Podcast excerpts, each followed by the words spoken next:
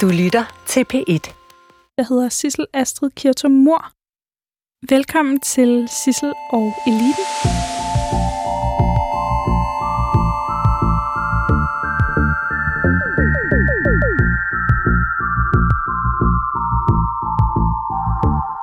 Kasper Kolding Nielsen. Du skal jo være min guide i dag. Ja. Fordi du har været inde i det politiske system. Uh-huh.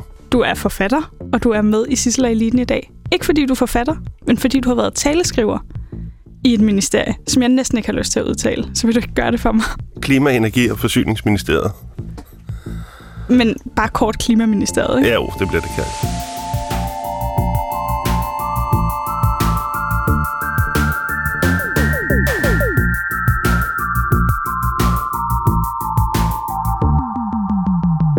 Og hvorfor blev du egentlig taleskriver?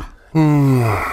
Ja, men øh, jeg søgte stillingen, fordi at, øh, at øh, det var egentlig, fordi jeg var ude og holde foredrag. Øh, I foråret 2019, der var jeg ude og holde foredrag i sådan en vækstfond sammen med Sten her og en, der hedder Jim Hamann Snabe, som er chef for øh, Siemens.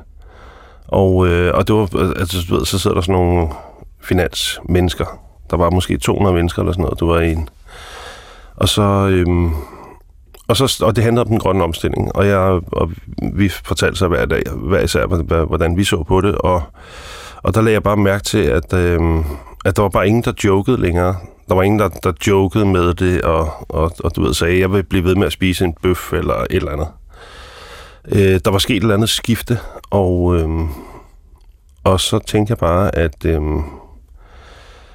Jamen, altså det her, det, det, vi kommer til at tale om det her de næste mange, mange år. Hele den grønne omstilling, det er et super komplekst område, og jeg vil egentlig gerne altså, sætte mig mere ind i det.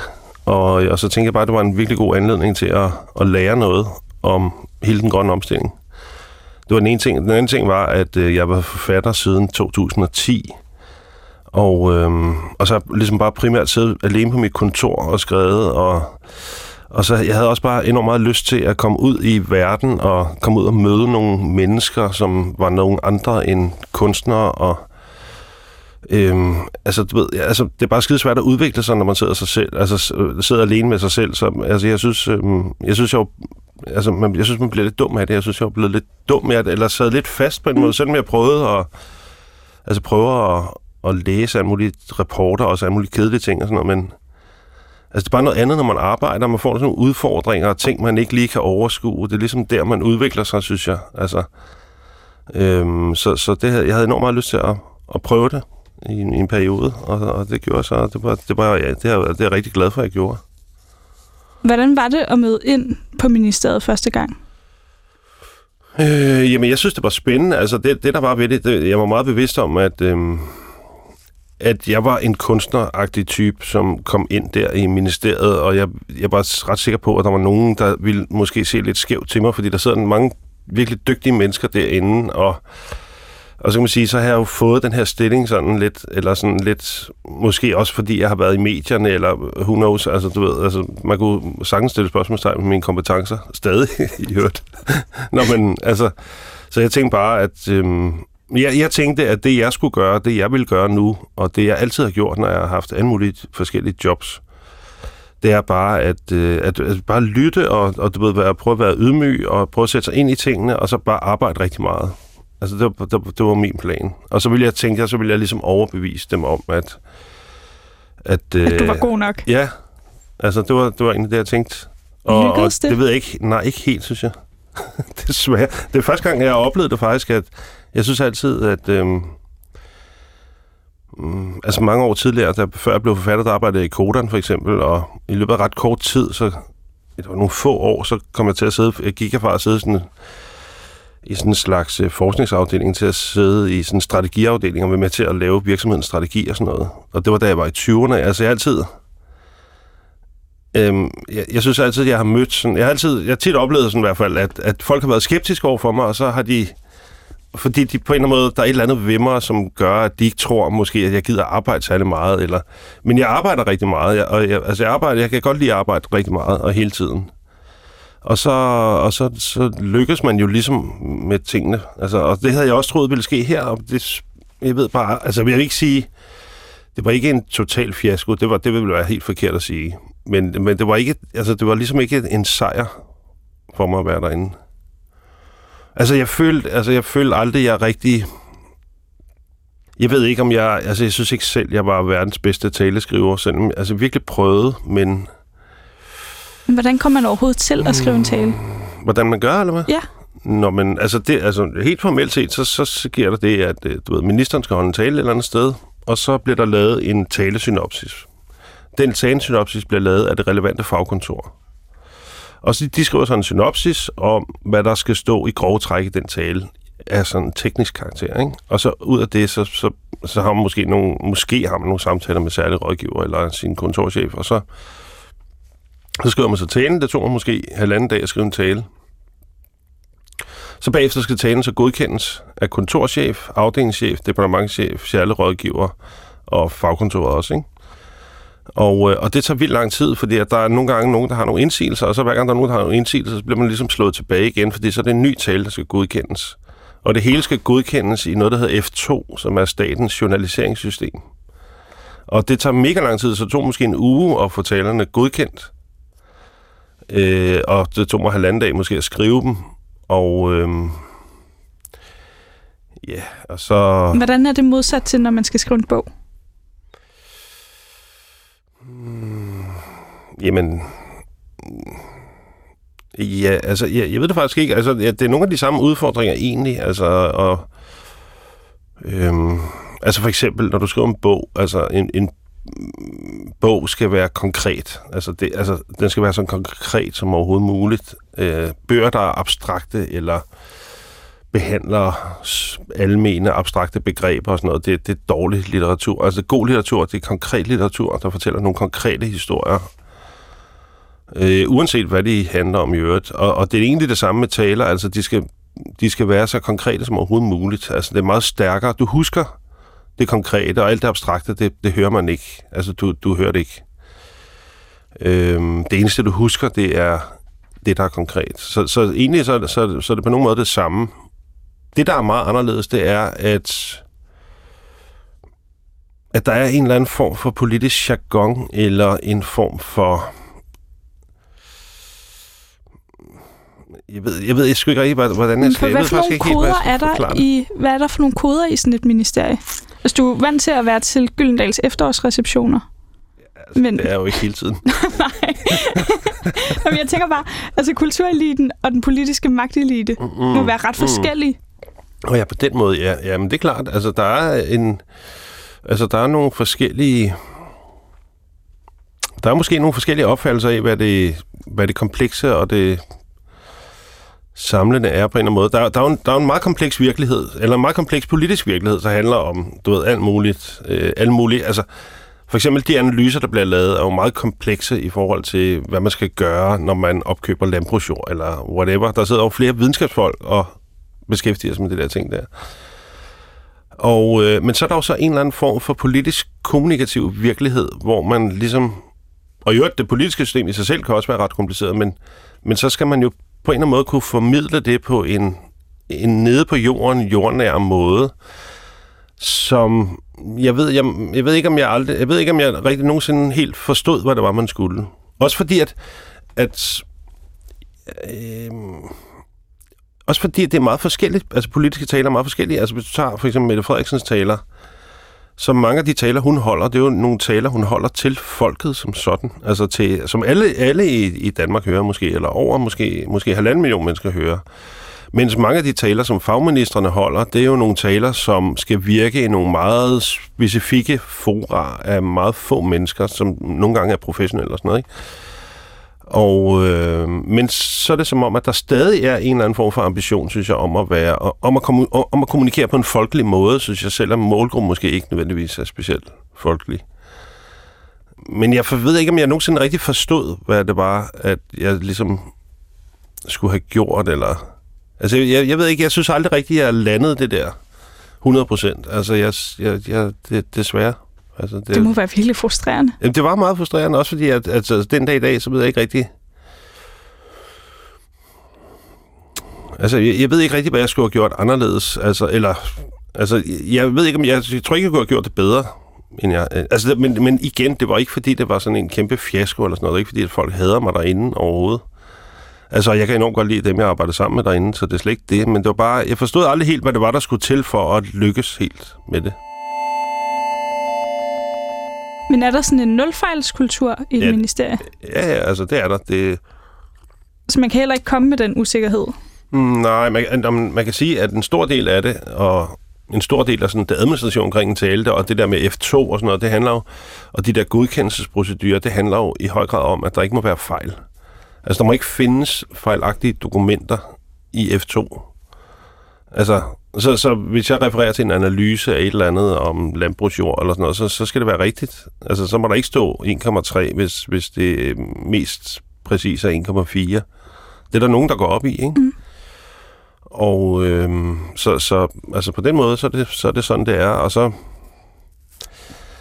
ja, altså, øh, jeg synes, altså, jeg, jeg, ved ikke, jeg synes bare, det var svært egentlig. Altså, jeg synes, det var svært, og, og der var, også nogle, altså, der var også nogle ting, jeg ikke helt grundlæggende forstod, altså sådan rent kommunikationsmæssigt. Jeg forstod faktisk simpelthen ikke, hvorfor man ikke... Jeg synes altid, sådan udefra betragtet, så har jeg altid tænkt, at når, når du kommunikerer politisk, så, så skal du altid tale forventningerne ned. Inden, inden du skal lave en eller anden kæmpe ting, så skal du altid sige, tale forventningerne ned og sige, det er vildt svært det her. Men det er som om, at der skete et eller andet i forhold til den grønne omstilling, at, at man alle kom til at tale enormt positivt om det, og sige, det er ikke det er moderne erhvervspolitik og sådan noget. Og det er også rigtigt nok, men jeg forstår ikke, hvorfor vi ikke i højere grad var bedre til at sige, at øh, det er mega dyrt det her, og det er mega besværligt. Og det er helt utroligt omfattende. Altså, fordi det er jo rigtigt, at der er en masse arbejdspladser og, og sådan noget, en masse vækst i enden af den grønne omstilling. Og det er også rigtigt, at, at der findes slet ikke noget alternativ. Altså, du, altså, du ved, det er også derfor, alle virksomheder i hele verden og alle de største kapitalfonde, de er alle sammen blevet grønnere end Greenpeace, og det er de, fordi at, at alle, at ligesom går op for alle, at der findes ikke nogen vækst, fremtidig vækst uafhængig af den grønne omstilling. Det, det findes ikke, det scenarie. Men, og det er alt sammen rigtigt. Problemet er bare, på kort sigt er det meget, meget dyrt.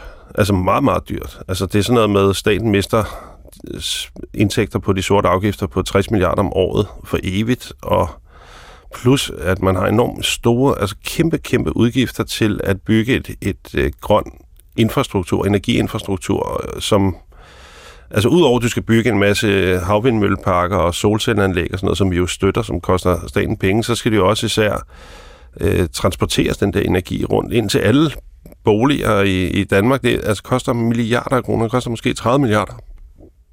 Derudover skal man investere i opbygning af nogle meget store industrier, som ikke findes endnu, inden for sådan noget, der hedder Power to X og CCU og CCS og pyrolyse. Og det er også enorme investeringer, som måske også på 30 milliarder. Det er sådan, så det er sådan, måske et beløb på omkring 100, over 100 milliarder om året, som staten ligesom skal investere. Det er mere end det, det, altså det koster det samme som at drive alle hospitaler i Danmark, i en, i en årrække i hvert fald, frem til at man ligesom kommer om på den anden side, og det begynder at generere vækst.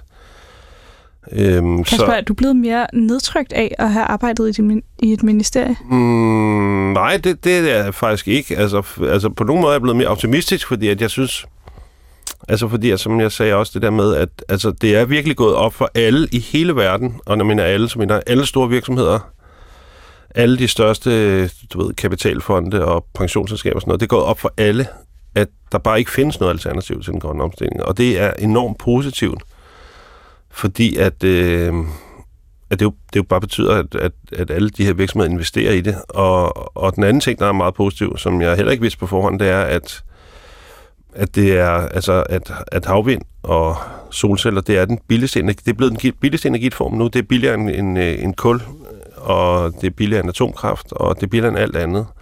Og det er helt vildt positivt, fordi det betyder, at sådan nogle lande som for eksempel Indien, som har store sociale problemer og sådan noget, øhm, jamen de, de, de, det billigste er for dem, for dem er at investere i, i solceller og havvind og, og vindmøller. Og fordi det er det billigste, det er, det er meget, meget vigtigt, at det sker. Det burde være sådan en festdag den dag. Det, de, den, den dag, de kurver krydsede hinanden, at, at den dag, at vedvarende energi blev billigere end kulkraft, det burde jo være en... Vi skal da lave en festival. Ja, ja, men det har jeg så også... Så spurgte jeg så fagkontorerne, det, det er sådan en helt anden problematik, så spurgte jeg et af fagkontorerne inde i, i ministeriet, om man kunne sige noget om, hvornår det skete, og det kan man selvfølgelig. Altså, når du spørger sådan nogle eksperter, der ved enormt meget om sådan noget, så siger de bare, at det kan man overhovedet ikke sige noget om, Ej. så specifikt, fordi det kommer helt an på, hvilke projekter og hvorhenne, og altså, du ved, så man kunne ikke få en dato ud af dem? Jeg prøvede, jeg ville gerne have sådan en dato ud, ikke? Men, Men så de der lidt ligesom sådan en nøglering?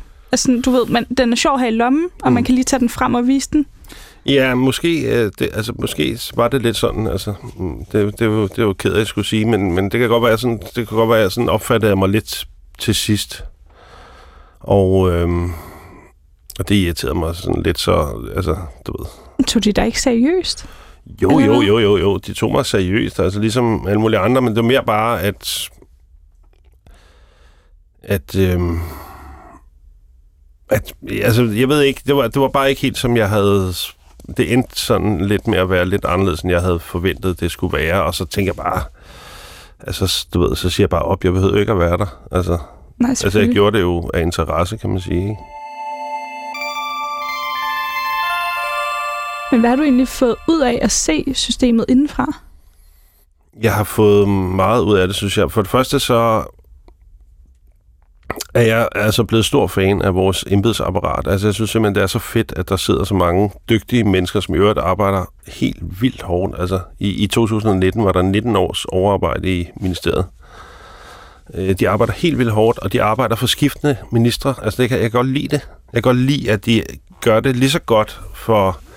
Altså uanset hvem der sidder der, mm. så arbejder de så godt og præcis som de kan. Det, jeg, jeg kan enormt godt lide, at de findes, de der folk der. Og at vi har det system i Danmark, det er altså bare altså en gigantisk gevinst, at der sidder så mange folk, der, der gør det. Det er den ene ting. Den anden ting er, at, at, at så har jeg selvfølgelig lært meget af at snakke med alle de her forskellige fagkontorer om alt det her, på alle de forskellige områder, fordi jeg har fået de der synopsis og, og øhm, og så synes jeg også, det var interessant at se, at, at lige præcis på det grønne område, der har, altså, der har ministeren ligesom ikke særlig mange venner, og det er fordi, at alle er blevet grønne. Altså, de grønne energiorganisationer, de, de skal brokke sig, fordi at uanset hvad fanden, om du har sagt 80 procent, så har de sagt 90 procent, og det skal være nu, fordi at, altså, det er ligesom deres overlevelse at, at lave den argumentation. Ikke? Men det der, det, der er det nye, det er, at dansk industri også bare vil have mere grønt, og pensionskasserne vil have mere grønt, bankerne, altså alle vil bare have mere grønt. Og, øh, og det, de gerne vil have, det er, som jeg sagde før, at de vil gerne have, at staten skal investere altså de her enorme store milliardbeløb i at bygge en helt ny grøn infrastruktur, i at elektrificere hele vores samfund. Øh, og det er det samme problematik, kan man sige, i hele verden, ikke? Øh, jamen, så, så er jeg også blevet overrasket over, hvor, og det er måske fordi, jeg var naiv, da jeg gik ind, men jeg er også overrasket over, hvor hårdt altså, politik er, altså hvor krigsagtigt det er. Hvordan er det det?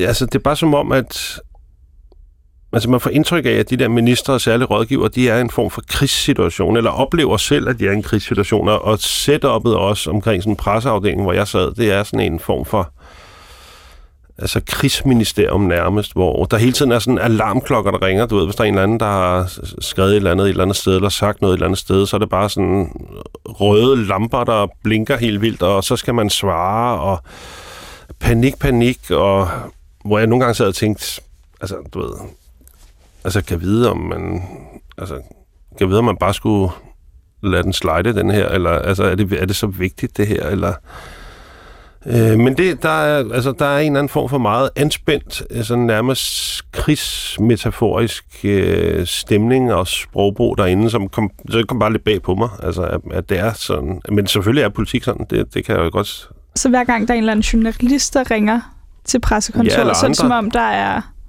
en bombe, der er eksploderet. Ja, så er det som om, det er et angreb på en lejr, eller sådan noget, ikke? Og der er nogen døde, eller sådan noget, ikke? Og så skal man ligesom respondere, og... Men det kan også være politiske modstandere, jo, ikke? Og, og hele det der politiske spil, som, som jeg jo ikke var en del af, men jeg, jeg sad, fordi jeg sad i afdelingen, så sidder man jo og overhører ting og sager, telefonsamtaler og alt og sådan noget. Panikagtigt noget, synes jeg, hvor... Øhm, og, og sådan tror jeg, det er. Altså, det var ikke, fordi det var en dårlig presseafdeling, det der. Det, det er bare sådan, det politiske system på en eller anden måde er blevet, at... Det lyder enormt angstfyldt. Øh, men det var ikke angstfyldt for mig, men det var bare, altså, det kom bare bag på mig, at, at det var så hårdt. Øh, Øh, men, men, men det var måske, altså når jeg ser tilbage på det, så var det måske også mig, der var naiv, da jeg gik ind i det, fordi jeg kan godt måske have sagt mig selv, altså det er jo kampen om magten. Altså de, de bestemmer jo hele Danmark, de der minister og regeringen bestemmer jo over hele landet. Og selvfølgelig er der en enorm hård kamp om det, ikke? Altså, og, altså man får virkelig sådan indtryk af, at når du kommer i regering, og når du bliver minister, og du kommer bliver en del af en regering, så starter der en form for belejring. Altså det er som om, de har indtaget et slot nu, ja. og, og nu så starter belejringen. Og, under, under, og hele tiden er de under angreb. Altså de vil hele tiden, hele tiden bliver de stukket og såret. Presseafdelingen skal forsøge at, at binde deres sår ind og stoppe blødninger, og de skal forsøge at forudse angreb. Men akkumulationen af de her små sår og ar, det er det, der til sidst ultimativt vil dræbe regeringen, som så vil kollapse som sådan en kæmpe dyr på et eller andet tidspunkt. Og det er sådan, det er sådan jeg synes, man kommer til at se på det. Sådan kommer jeg til at se på det. Som en, ja, en, altså en ekstrem eksponeret situation. Altså også altså meget interessant, altså for eksempel, når du selv tager sådan en som Mette Frederiksen, som så kan man være enig eller uenig med hende og, og sådan noget, ikke? Og, øh, men hendes stamina er helt vild, synes jeg. Altså, hun er aldrig fri, vel? Mm. Altså, hendes stamina er, er, er rimelig imponerende. Men det interessante er, at nu har hun, hun har været i politik hele sit liv, formodentlig siden hun var barn, og været i DSU, og gå, altså gået til helt vildt mange tusind uendelig kedelige møder. Og så er hun så blevet statsminister. Og på en måde, altså så jeg kan ikke lade være med, efter at have været i systemet, så kan jeg ikke lade være med at betragte det som andet end en form for, altså det er nærmest ligesom at få en terminal diagnose, altså det er begyndelsen til enden. Altså, Fordi hun altså, ikke kan komme højere. Hun kan ikke komme højere nu, og, og, og, hun, og angrebene bliver sat ind konstant. Og om lidt, om nogle år, vil hun så kollapse af blodtab. Og, øh, og så er hendes liv forbi. Altså, så kan hun aldrig mere... Øh, altså, hun har ligesom toppet der, og, øh, og hun kan så aldrig mere blive statsminister, sandsynligvis. Ikke? Du kan se, ligesom Lars Løkke, det, det, altså, som jo er i sin bedste alder, ikke? Og altså, mm. det er sådan, det er bare underlig, en underlig, et underligt form for altså højdepunkt, som samtidig er en eller anden form. Jeg kan, jeg kan ikke lade være med at komme til at betragte det som en form for begyndelse til enden, fordi at Ja, fordi at, at der er så mange angreb hele tiden, og det er for alle mulige sider. Det er alle mulige. Du er ikke længere fredet af nogen. Alle, alle vil alle vil dræbe dig. Dræbe dig. Ja. Og det synes jeg var interessant at se.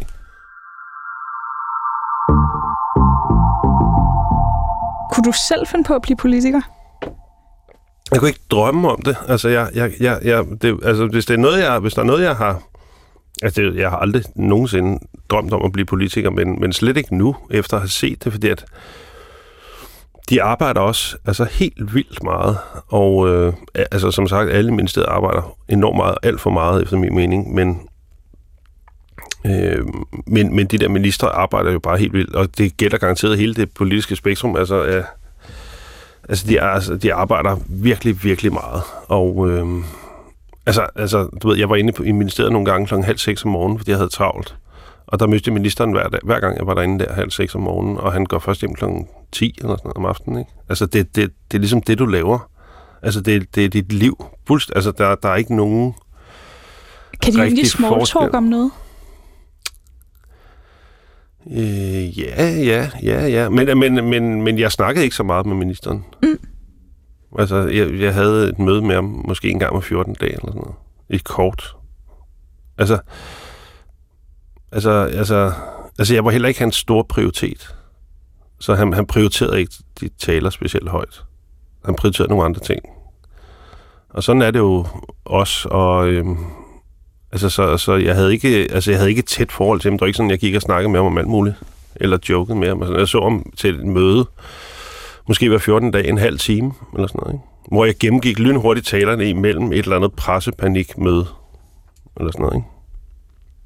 Havde du nogen, du kunne joke med i ministeriet? Ja, ja. Der, jeg, har, jeg har folk, som er blevet mine venner nu i ministeriet, som altså er super velbegavede og super sjove og dygtige, fantastiske mennesker, som jeg altså beundrer meget, som er bare eksperter inden for... Altså for eksempel, altså nogle af dem, der sidder og forhandler om, om vores, øh, om vores internationale klimaaftaler og sådan noget, det, det er jo mega kompliceret og vildt spændende at få et indblik i, og jeg synes, det er vildt spændende med sådan nogle altså, der har arbejdet i det der univers i så mange år, ikke? Og, og altså, hvordan man gør, og mm, altså, hvor meget de ved om, og hele tiden følger med i sådan international politik og alt, hvad der sker, og hvem der sidder på hvilke poster, og alt muligt, ikke?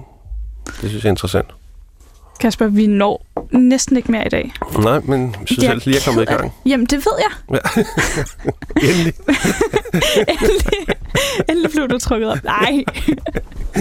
Men er der noget, jeg skal tage med mig til, når jeg skal tale med politikerne? Er der et eller andet, jeg har brug for at vide? Altså, der er jo ikke en... Der, der er jo ikke en, en forskel mellem... Altså, der er jo ikke en rigtig forskel mellem deres privatliv og deres arbejdsliv. Det er sådan en stor...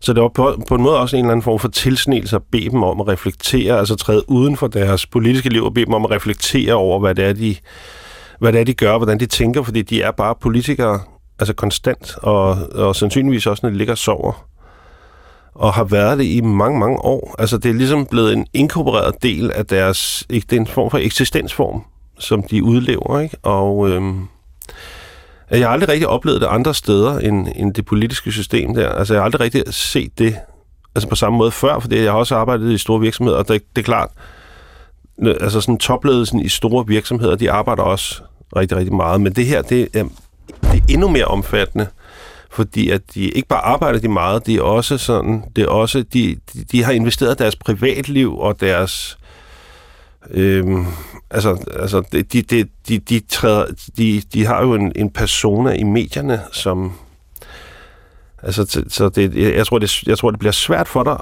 at få dem til rigtig for alvor at reflektere. Altså, du skal tænke over, hvilket greb du vil lave, hvis du overhovedet skal få dem trukket ud af af deres politiske personer. For det, det, dem, det er jeg ikke sikker på, altså, at de ligesom forlader dem rigtig nogensinde.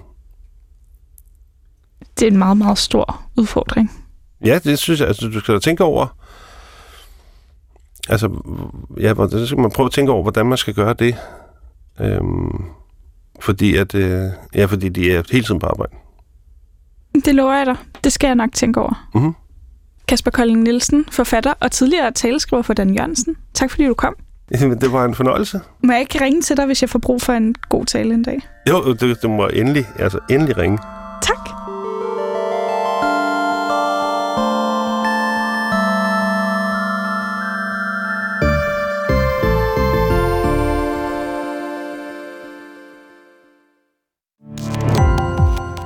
Gå på opdagelse i alle DR's podcast og radioprogrammer. I appen DR Lyd.